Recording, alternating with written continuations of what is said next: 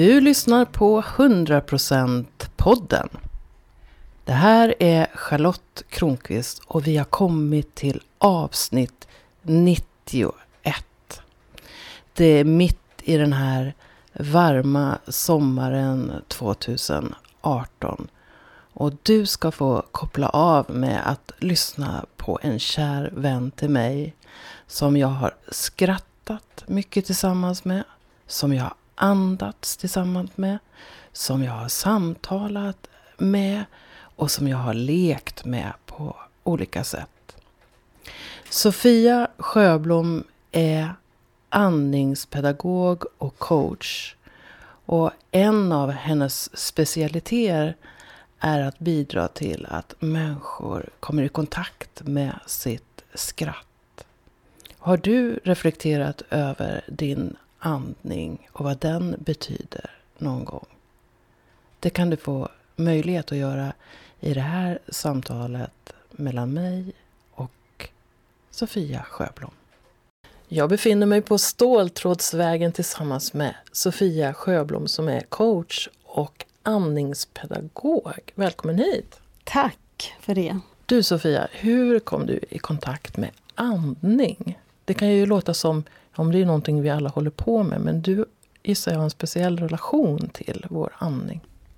Ja, det har jag. Och jag kom i kontakt med det för 20-25 år sedan någonting. Eh, jag hade hört talas om det här med andningspedagogik och så jobbade jag på ett jobb där min chef hade provat frigörande andning en gång. Och då så sa hon att det måste vi testa. Och så gjorde vi det vid något tillfälle och det var så häftigt. Så då fortsatte jag med det. Vad var det som hände? Ja, alltså det är en, ett dynamiskt sätt som man andas på. Eh, man syresätter kroppen och, och ehm, det som händer det är att man sätter fart på energin i kroppen och man kan frigöra gamla spänningar och blockeringar. Så en av de första gångerna som jag gjorde det så kom jag i kontakt med väldigt tidiga minnen. Jag kom i kontakt med ett minne när jag låg i mammas mage. Och det var så tydligt för mig. Så det var jättespännande. Hur lång tid tog det innan du kom på då att det här vill jag göra någonting med? Jag fortsatte ju andas. Ja, det, och det som sagt, det låter lite konstigt. Fortsätta andas, det gör jag hela tiden. Men jag fortsatte att gå och göra frigörande andning. Och det här var på våren och sen på hösten så valde jag att hoppa på utbildningen för jag tyckte det var så spännande. Ganska snabb process då? Ja, det var snabbt. Och då var det åtta helger på ett år, så det var också en, alltså en helg i månaden ungefär som det var på internat. Så det var väldigt intensivt. Så vem var du innan du började andas?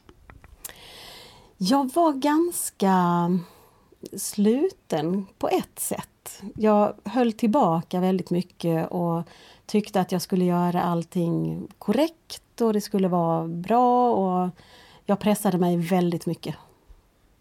Du pressar dig väldigt mycket. Mm. Så hjälpte andningen dig att gå ner i takt då? Ja, eh, det allra första den hjälpte mig med det var att eh, komma i kontakt med min kropp. Jag hade inte speciellt mycket kontakt.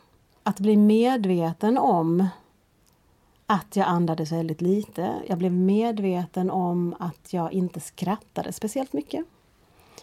Jag blev medveten om väldigt mycket saker som eh, jag sen har jobbat med under många år. Du och jag har ju känt varandra i ungefär tio år nu. Och ja. när vi lärde känna varandra, då höll du på mycket med skratt. Ja, det var ju någonting som jag kom eh, i kontakt med några år senare. Då gick jag en kurs där man eh, skulle göra ett projekt. Och då skulle det vara utmanande och stort och sådär. Och då hade jag sett på nyheterna på tv eh, en bild från Köpenhamn. Det stod 8000 personer på Rådhusplatsen och skrattade rakt ut i luften. Och jag tyckte det, alltså jag började skratta själv framför tvn för det var så absurt. Liksom. Och eh, sen så bestämde jag mig för att jag skulle samla tusen personer på Plattan för att skratta tillsammans. Wow! Det blev mitt projekt. Mm. Hände det också? Det var inte tusen pers, men det var nästan 500. Och vi hade program och vi hade skratttävling och vi gjorde övningar och vi pratade om det på olika sätt. När var det här ungefär i tiden? Det var 2001. Mm. Då tänker jag, när, när man skrattar, då, då händer ju också mycket med kroppen. Så mm, vad har skrattet gett dig? Det har också, precis som andningen, har det ju gett mig större tillgång till mig själv. Och skrattet är ju samma sak, att det frigör saker i kroppen. När vi skrattar så kan vi bara vara här och nu. Det går inte att vara någon annanstans. Om du skrattar riktigt mycket och börjar tänka samtidigt så slutar du skratta. alltså jag är ju sån där som kan skratta helt hysteriskt. Och jag, det finns sån kraft i det där. Men har du varit med om att människor tycker så här, att det är lite opassande att skratta? Absolut. Vi har ju värderingar kring det här med skratt. Och det är ju verkligen så att vi får inte skratta i alla lägen och vi får inte skratta i kyrkan och vi får inte skratta si och vi får inte skratta så. Vi får inte skratta för högt. Och vi får inte skratta för länge. Och det har vi in... Alltså det är naturligt för oss att inte skratta för högt eller för länge eller så.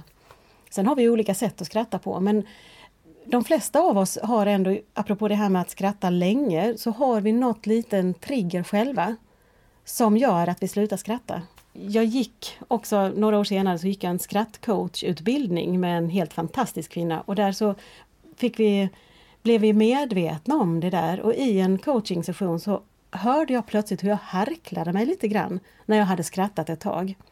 Och det var min trigger för att sluta. Så det var som att jag sa Och när jag kom på det så blev jag ju så fruktansvärt full i skratt. Så sen kunde jag inte sluta skratta. Jo men det finns ju också många som har idéer om att jag kan inte skratta eller jag... Och jag, jag, jag har varit med om en del skrattmeditationer. Och förutsättningslöst, jag vet ju inte vad som kommer att hända. Och då har jag börjat med att lite så här fejkskratta. Så här, mm, mm, mm, mm. Men det tar ju inte många sekunder så skrattar jag. Men det är mm. som att en del fastnar i att det går inte att släppa loss. Det var, har du noterat sånt? Absolut. Eh, jag har hållit otroligt många skrattseminarier i olika sammanhang ute på olika företag och så. Och där är ju alltid en del som inte är med och skrattar. En del som tycker det är löjligt, en del som inte riktigt vågar. Och sen är det ju också så att skratt och gråt ligger så nära varandra. Så om vi skrattar tillräckligt länge så börjar vi till slut gråta. Har du varit med om det någon gång? Däremellan när man inte vet, är, skrattar jag nu eller gråter jag eller vad gör jag? I det mellanläget. Jag tror det. Det är en jättehäftig känsla tycker jag. Och det är ju också så att gråter vi tillräckligt länge så börjar vi till slut skratta. Ja men det har jag varit med om mer. mm. Jag som då känner dig eh, sen sen länge, även om vi inte även om vi träffas med ojämna mellanrum. Så för mig så förmedlar du en slags lugn och jag har också varit med om att du har lett andningssessioner och så. Och det är som att eh, jag vet inte, som att alla blir lugna runt dig. Vad är din respons på det? Jag vet faktiskt inte vad jag ska svara på det. Händer det någonting med dig när du ska leda en andningsövning? Alltså gör du något särskilt för att skapa någon viss stämning? Ja, i de sammanhangen när jag ska leda så det är som att jag går in i ett visst space. Alltså att jag är där och då är jag väldigt närvarande med de som är där och ska andas. Och det kan ju vara, ja, där i den tryggheten, jag kan ju känna, jag känner mig väldigt trygg i det läget. Och det tror jag att andra kan känna också. Och att det är, lättare att slappna av och gå in i det. Och du, ju, du jobbar ju också som lärare för andra som vill bli andningspedagoger. Ja. Där kan jag också känna det när jag har mina helger där, att jag går in på fredag morgon så går jag in i ett space och så på söndag eftermiddag så går jag ut. Och då är det en liten bubbla som jag är i. Och i det så händer det saker. Och så leder jag eleverna vidare. Liksom. Om vi, du har ju någonting tillsammans med en vän som heter Karin, något som heter Sköna Söndag. Och Ja. där andas ni väl? Ja, det gör vi. Så huvudsaken på Sköna Söndag det är att göra en frigörande andning. Sen har vi vissa, och det, så det är en halv dag då på söndag eftermiddag. Och vissa gånger så har vi heldagar. Och då gör vi lite andra övningar också. Det kan vara andra andningsövningar eller rörelse eller någonting sånt. Jag har hjälpt till på en del eh, andnings, eh, så här frigörande andningar och så eh, går man runt i rummet och det kan hända olika saker med människor. En del är på väg att somna, en del får utlevelse, en del gråter, en del Mm, skrattar, en del blir upphetsade. Det kan vara lite vad som helst. Men när du har gjort det här så mycket, hur gör du för att läsa av vad som händer med en människa? Ja, det är ju en jättebra fråga. Det vet inte jag riktigt vad jag gör. Alltså det, för det beror på vem det är, vilket läge det är. Jag har inget eh, färdigt sätt eller manus eller så för att läsa av det där utan jag känner in det på något sätt. Så du använder din intuition? Ja, Så tänker jag så att du, du har sett kroppar mycket Mm. och så och jag kan tänka mig att du kan känna igen tecken på här är det någonting som är på väg att hända och du kan eh, hjälpa till. Men eh, är det sånt som är svårt att säga att det är det här jag gör? Liksom? Ja, jag tycker det är svårt att säga att det är det här jag gör. Alltså, jag vet egentligen inte riktigt vad, vad jag gör. Vad spännande! Ja, det är jättespännande. Men det är ju som du säger att jag kan ju se om det är någonting som, jag menar är det någon som håller på att somna eller så, så handlar det ju om att öka på andningen, öka på energin på olika sätt för att få igång personen. Och är det någon som har väldigt mycket utlevelser och fortsätter och fortsätter och fortsätter med det så kan det ju handla om att eh, släppa själva utlevelsen och så gå in i kroppen och känna istället. Mm. Ibland behöver man verkligen släppa loss det som är så att utlevelser är bra men ibland så, så kan det bli ett sätt att fly också faktiskt. Alltså, jag är verkligen nyfiken på det här med andning för att jag fick en feedback häromdagen. För jag fick, tog emot en behandling och då sa personen till mig att se till att andningen skulle gå upp i bröstet mer. Och ibland så säger man ju så här, Åh, man andas för lite och man andas bara i bröstet och så ska man ta ner andningen ner till magen. Men det är ändå på något sätt att man ska fylla upp bröstkorgen. Kan du förklara lite hur man liksom får in mycket liv i kroppen med andning? Det finns ju så otroligt många andningsövningar och man kan använda det på väldigt många olika sätt. Och frigörande andning är ju ett sätt att göra det på och när man gör det, man ligger ner på rygg och andas, då är ju meningen att man ska andas upp i bröstkorgen. Och det beror på att eh, mellan revbenen finns det ju hur mycket småmuskler som helst och där sitter väldigt mycket blockeringar. Så det gäller att lossa på bröstkorgen för att få plats med andningen för att kunna lösa upp spänningar som sitter där. Så just vad gäller frigörande andning så är ju, är ju det bra. I, till vardags om man vill stressa mindre eller komma ner i varv eller så, då ska man ju andas i magen. Då är- gäller det att få ner andningen. Så då är det inte lika bra att andas i bröstet. Innan du började andas så hade du rest en del och också varit uppe på höjder som kräver speciella saker med andningen. Och häromåret så var du i Latinamerika också. Om jag börjar med att fråga, hur är det att vara på hög höjd för dig? Det är ganska ansträngande. Jag bodde ju där i två år på, och det är på typ 3700 meters höjd. Så luften är ju väldigt tunn. Man vänjer sig till viss del.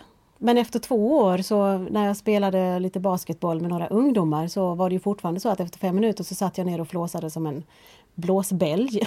För det var, ah, det tar på krafterna. Luften är ju väldigt tunn. Det är ju det. Och hur hamnar du där?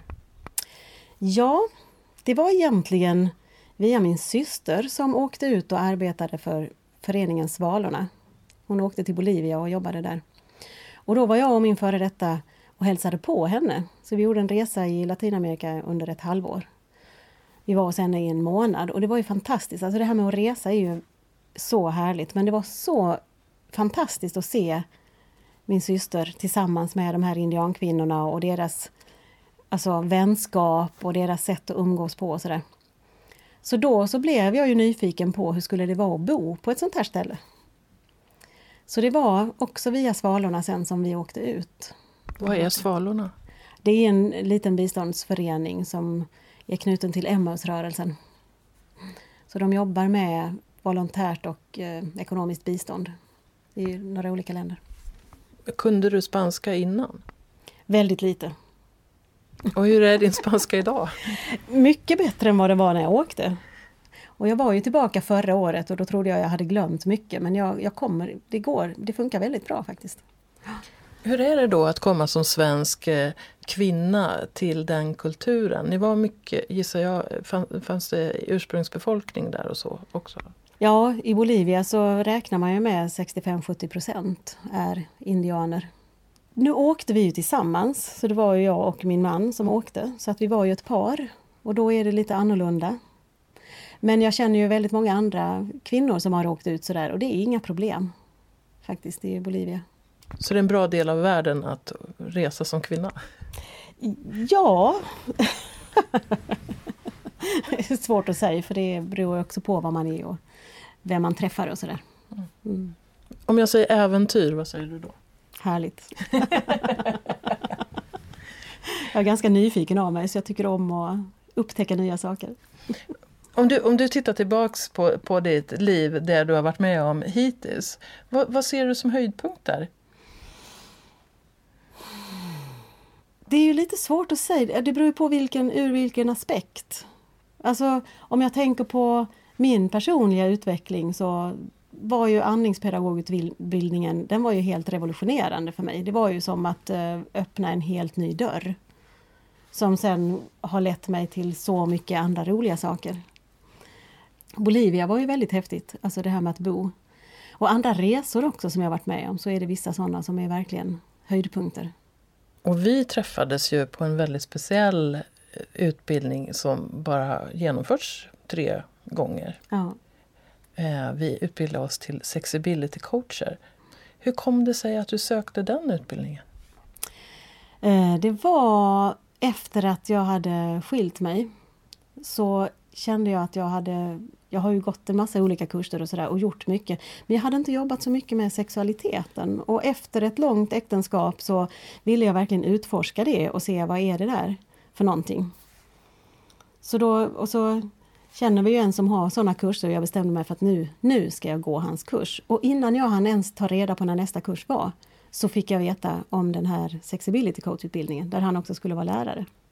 Så det var ju så häftigt och det bara damp ner i ett mejl från någon som sa du har du sett det här, det kanske kan vara något för dig. Liksom bara, Shit också, den här måste jag ju gå. hade inte tänkt att gå någon lång stor utbildning och så men det gjorde jag. Det var fantastiskt också. Var det ett sånt där eh, omedelbart beslut som du tog? Det kan man säga. Först blev jag jävligt förbannad faktiskt. Just det här. Jag ska inte gå någon sån, jag har inte tid att gå det, jag har inte råd att gå det, men den här måste jag ju gå. Och så tog jag beslutet och så gjorde jag det. Vilken del av dig fattade det beslutet? Hur går ett sånt där beslut till för dig? Det är väldigt skönt när de där besluten kommer ut. Alltså det kommer ju någonstans från kroppen och kroppens visdom.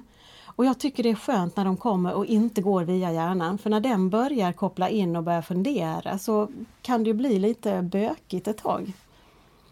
Så eh, när det kommer, de direkta kommer så, det tycker jag är, det är härligt. Det är någonstans från i kroppen. Och hur vet du vad du inte ska göra? Ja, det är ju inte alltid jag vet det.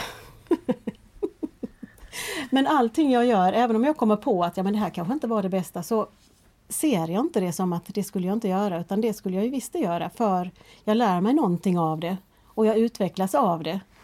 Även om jag inte skulle välja att göra det igen.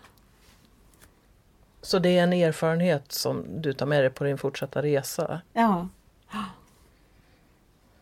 Det är ju som, tänker jag, det här med personlig utveckling överhuvudtaget. Var går mina gränser? Ja men det vet jag ju inte förrän jag har överträtt dem några gånger. För att då, jaha, ja men det här var kanske lite väl långt, nu backar jag nog lite här och sen så på det sättet så kan jag ju se var, var mina gränser går. Jag brukar också se det som att allt jag är med om har fört mig till just här, just nu med dig. Och utan de val jag gjort så hade, hade ju vi inte hamnat här just nu.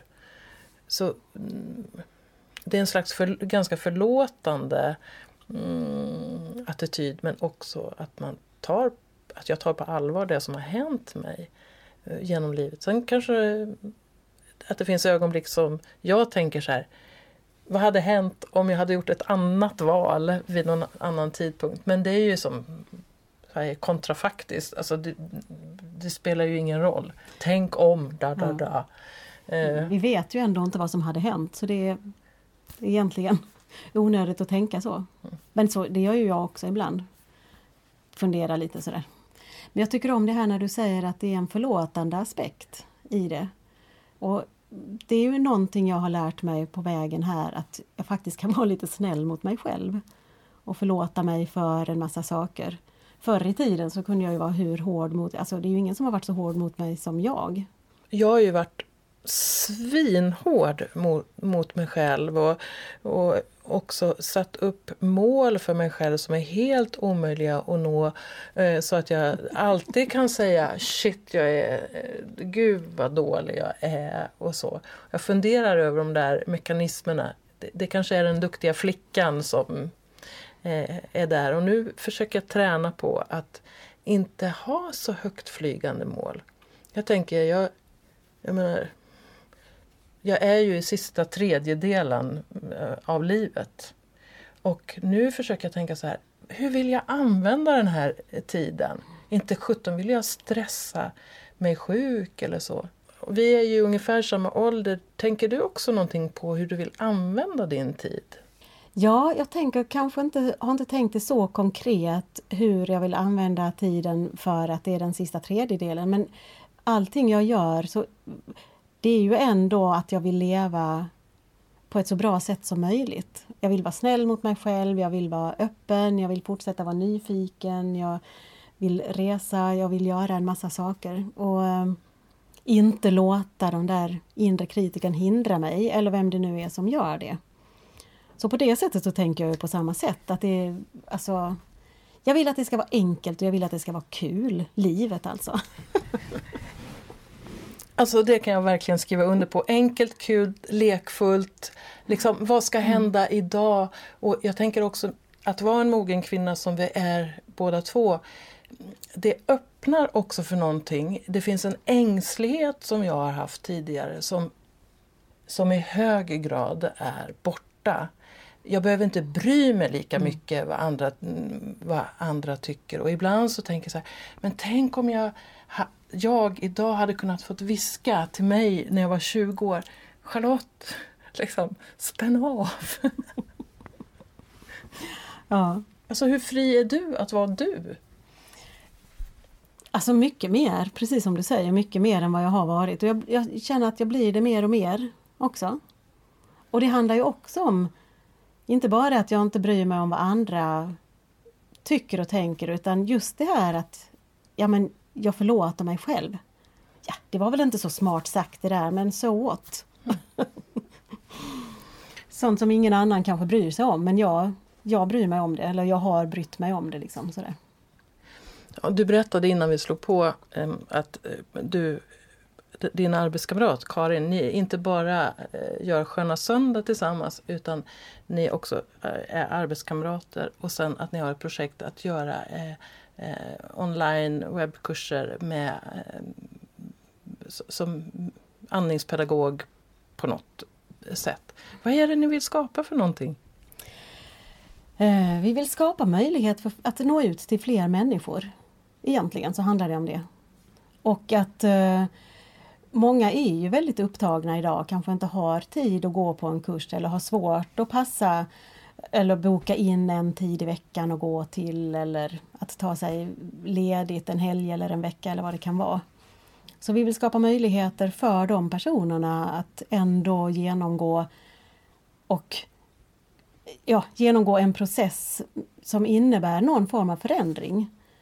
Kommer man att se filmer hur man andas då? Det kommer till att innehålla jättemycket olika saker. Det blir inte bara andning. Okej, vad Så det blir, lite det blir lite filmer och det blir lite annat. Och hur långt eh, fram i tiden tror du att det här finns? Vi räknar med att vara ute med den första delen till hösten. Gud vad spännande! Ja, det är jättespännande. Och varför jag tog upp det här, det, det, det är det här med att det är inte så att du har liksom satt dig ner och tänkt så här, ja men nu, nu kan jag ta det lugnt, utan du har nya idéer hela tiden. Ja, lite för många ibland. det är så med att vara nyfiken. Det tar inte slut någon gång. Så, så om, du, om du tittar framåt i tiden, vad skulle du, ha, har du några, har du någon sån här, min bucket list, några saker som är så här, det här bara vill jag så himla gärna göra? Ja, eh, jag vill ju ta dykarcert. Ah. och det kanske jag gör redan i sommar. Jag får se. Ja, du har ju varit ute och seglat.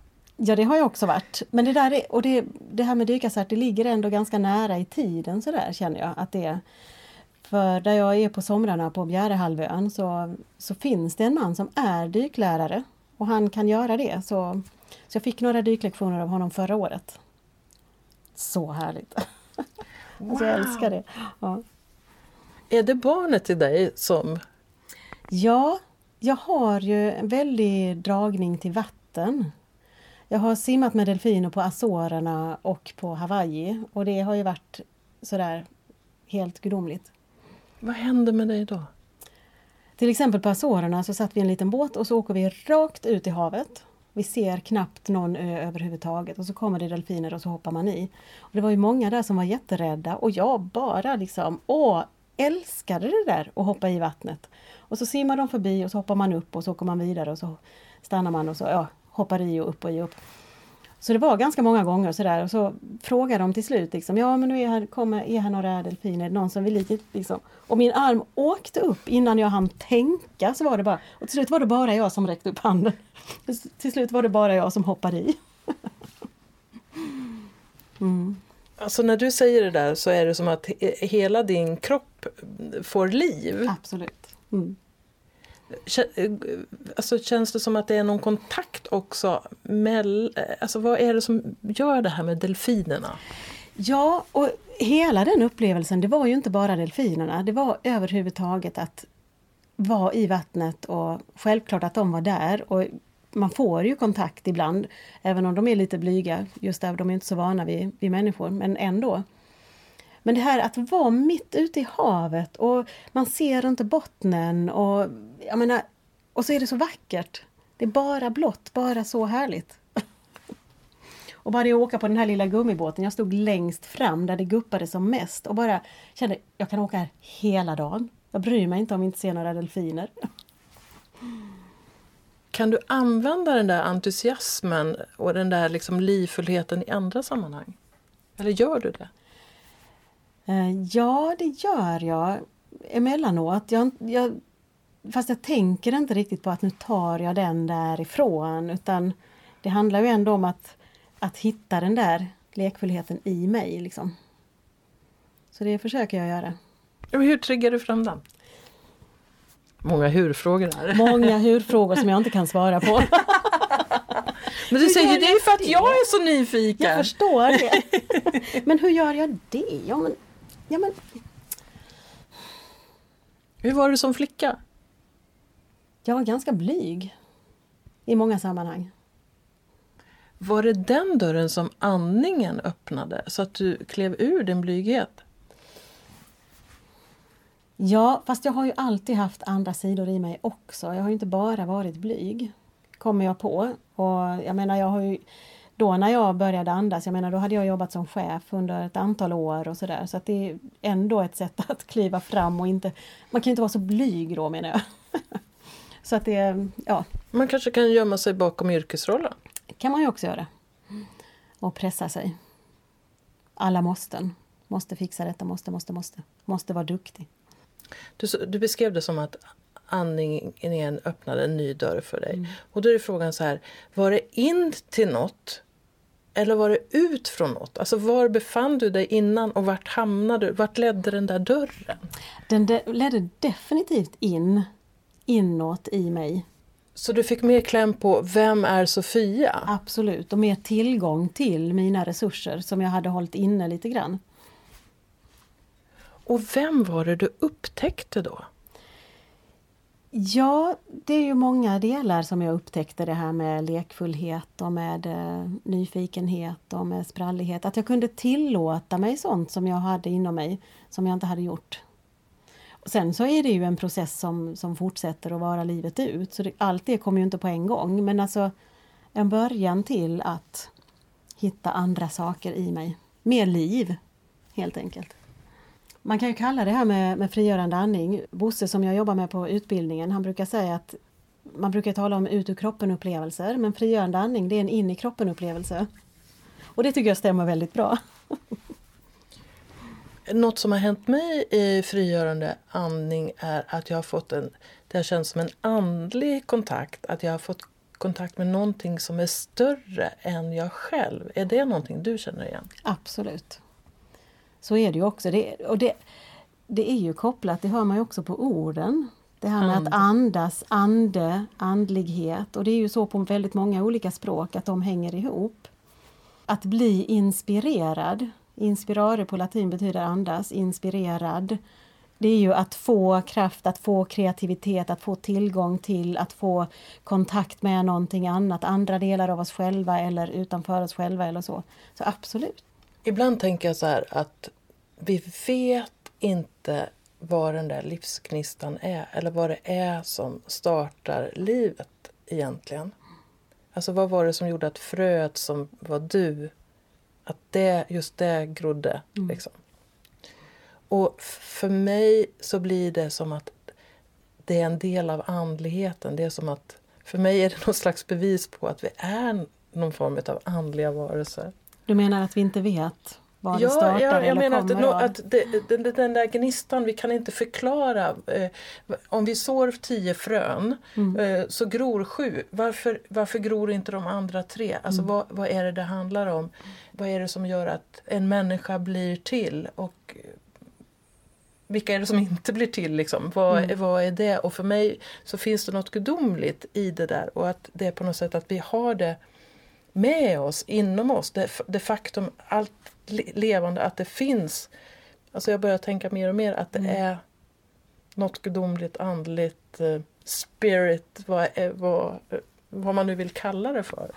Absolut, och jag tänker också på det här att vi hela tiden så finns det där i oss och oavsett hur jobbigt en människa har det så finns det ändå någon vilja att överleva, att komma vidare, att komma över.